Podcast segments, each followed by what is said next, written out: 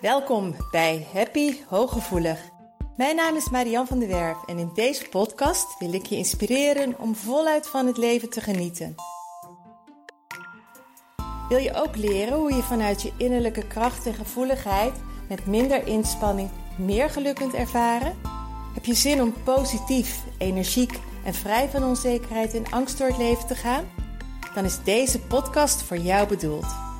Door mijn werk als therapeut en mijn eigen vallen en opstaan leerde ik wijze levenslessen die ik graag aan jou doorgeef. Samen op weg naar een licht en ontspannen leven. Ga je mee?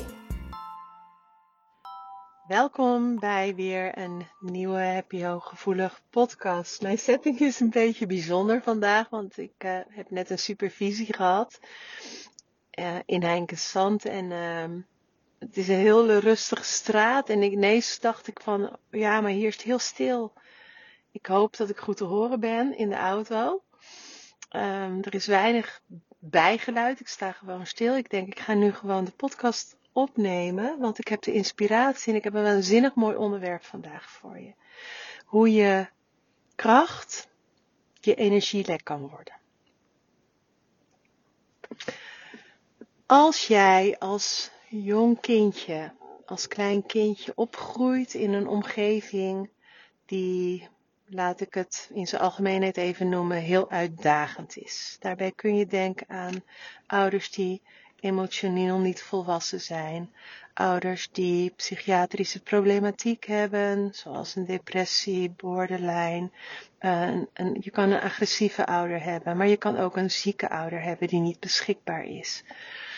Het kan zijn dat je um, een van de ouders weggevallen is, terwijl je nog heel jong was. Er kan heel veel spelen in je jeugd, waardoor er een fikse uitdaging voor jou als kindje is. En wat je automatisch doet, wat natuurlijk heel logisch is, is dat jij um, een manier zoekt en ook vindt die jou helpt om op te groeien in de context waarin jij je bevindt. En daarmee maak je gebruik van een talent wat je hebt, een, een, goede eigenschap die je hebt. En daarbij kun je denken aan bijvoorbeeld, um, je bent hooggevoelig.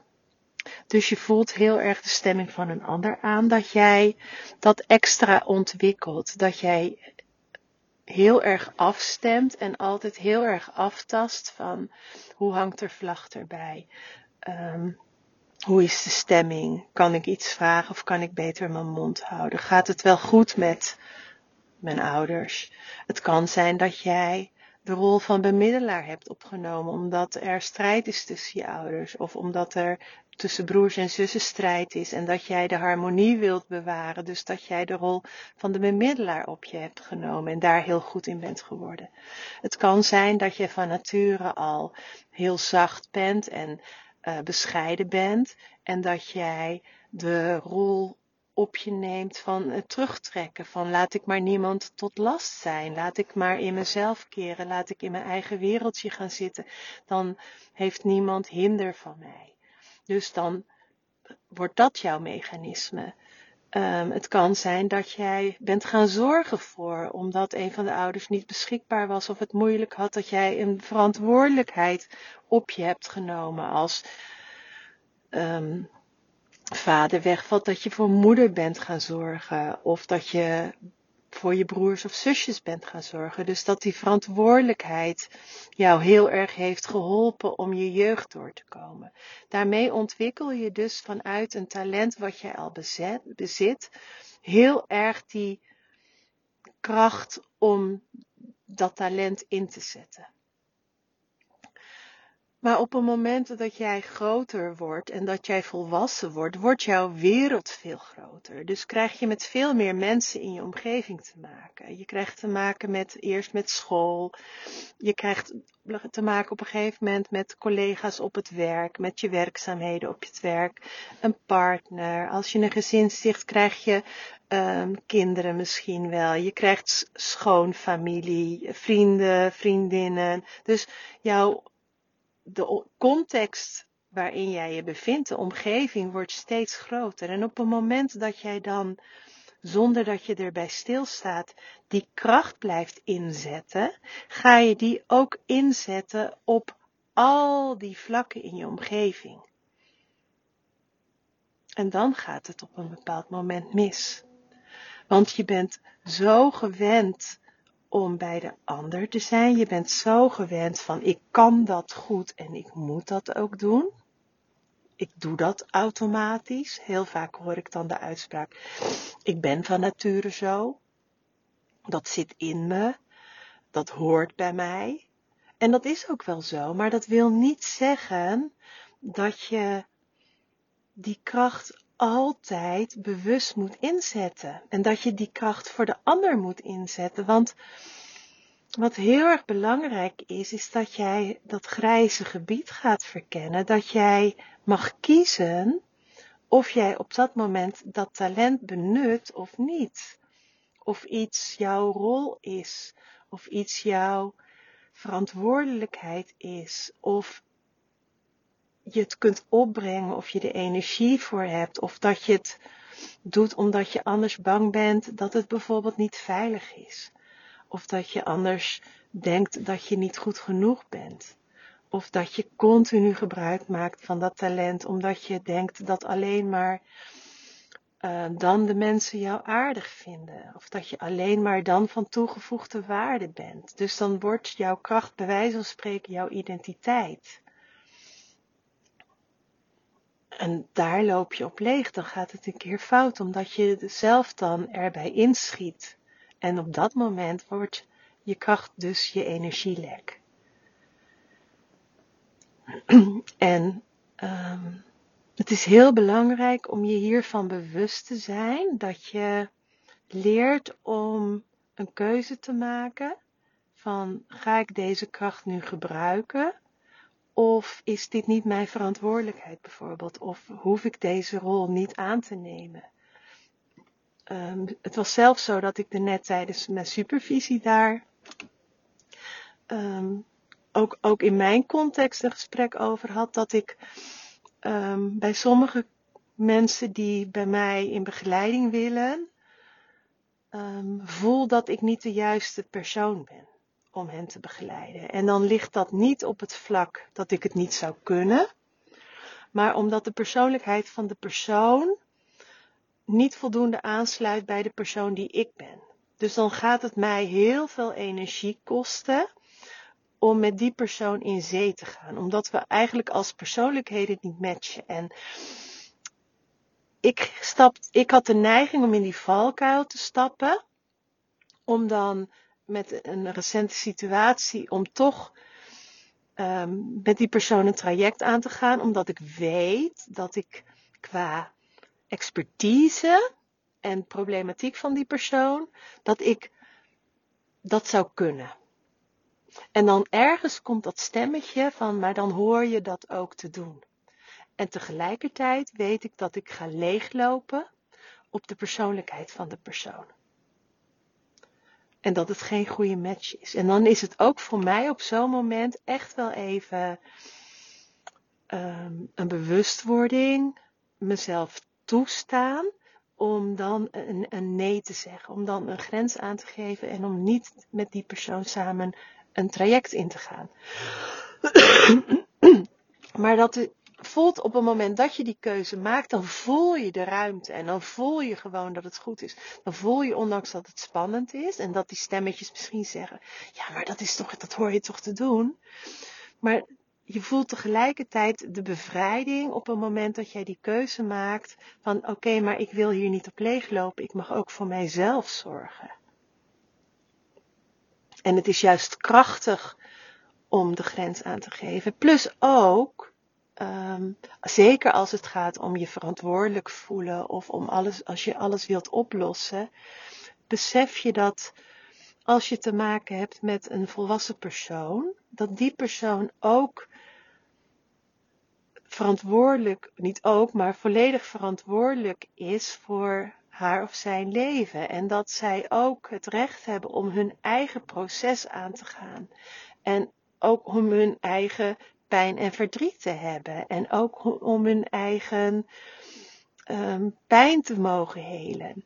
En um, dat, dat, weet je, op het moment dat iemand dat zelf kan doen en mag doen, en jij vanaf de zijlijn daarin een bijdrage levert zonder dat je het overneemt of zonder dat je vindt dat je het moet oplossen of zonder dat je vindt dat jij de krachtigste moet zijn of dat jij dat moet dragen.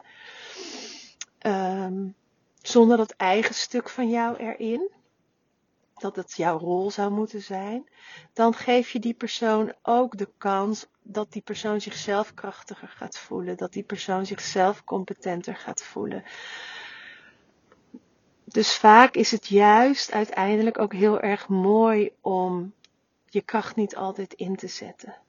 Plus dat het heel goed is om je eigen energie daarin te bewaken en om veel bewuster dat talent te gebruiken op momenten dat jij ook zelf daadwerkelijk daar de gelegenheid, de ruimte en de energie voor hebt. Zodat het ook jouw kracht blijft in plaats van dat het je energielek wordt. Dus ik nodig je uit om eens te gaan kijken van welke, welk talent heb ik zo krachtig ontwikkeld in mijn jeugd, dat het voor mij zo automatisch is geworden om dat continu in te zetten voor de ander. Of voor jouzelf van schouders eronder en doorgaan. Het is achter de rug, hoppatee, en weer door. Dat is ook een talent wat je destijds misschien nodig had als klein kind om te kunnen overleven en om met emoties te dealen. Maar als jij nu niet ruimte geeft aan jouw emoties, loop je daar ook op leeg. En dat is dan een kracht die je niet zozeer inzet voor je anderen, maar een talent wat jij uitvergroot hebt om jezelf staande te houden, wat nu niet meer dient. En als je daarachter bent, en je bent daarachter van, hé, hey, wat is de onderliggende motivatie dat ik dat dan nu nog steeds doe? Wat vroeger nodig was, is dat dan nu wel nodig? Of kan ik daarin genuanceerder denken en is het niet meer nodig? En is het juist krachtig als ik het wat minder doe? En kan ik er genuanceerder mee omgaan in een grijs gebied in plaats van dat het zo zwart-wit is? En dat kan je dus heel veel opleveren aan energie en aan zelfliefde. Daar gaat het wel mee samen ook. Zelfliefde, veiligheid. Leer jezelf veilig te zijn bij het stapje terug. Leer jezelf veilig zijn dat je er niet op afgerekend wordt als je je iets terugtrekt of als je wat meer aan de zijlijn blijft, als je je eigen energie wat meer bewaart en je grenzen wat meer aangeeft. Want ook al ben je dus ergens ontzettend goed in en heb je het idee dat je bijna zo geboren bent, maar het is, het is ook de, de, de uiting ervan, de mate waarin je het laat zien, de mate waarin het zo krachtig is geworden, is wel degelijk op opvoeding en jeugd. Um, zorg dat het een kracht blijft en niet je energie lekken. Ik hoop dat je hier veel aan hebt. Doe er wat mee. Um, laat me gerust weten wat je hiervan vond, wat je ermee kunt. Um, nou ja, wil je meer over mij weten? Kijk dan gerust op zienswijs.nl. Daar vind je meer informatie. Um, daar vind je ook blogs, een mooie weggever. De weggever voor de tips van de zelfvertrouwen heb ik wat aangepast.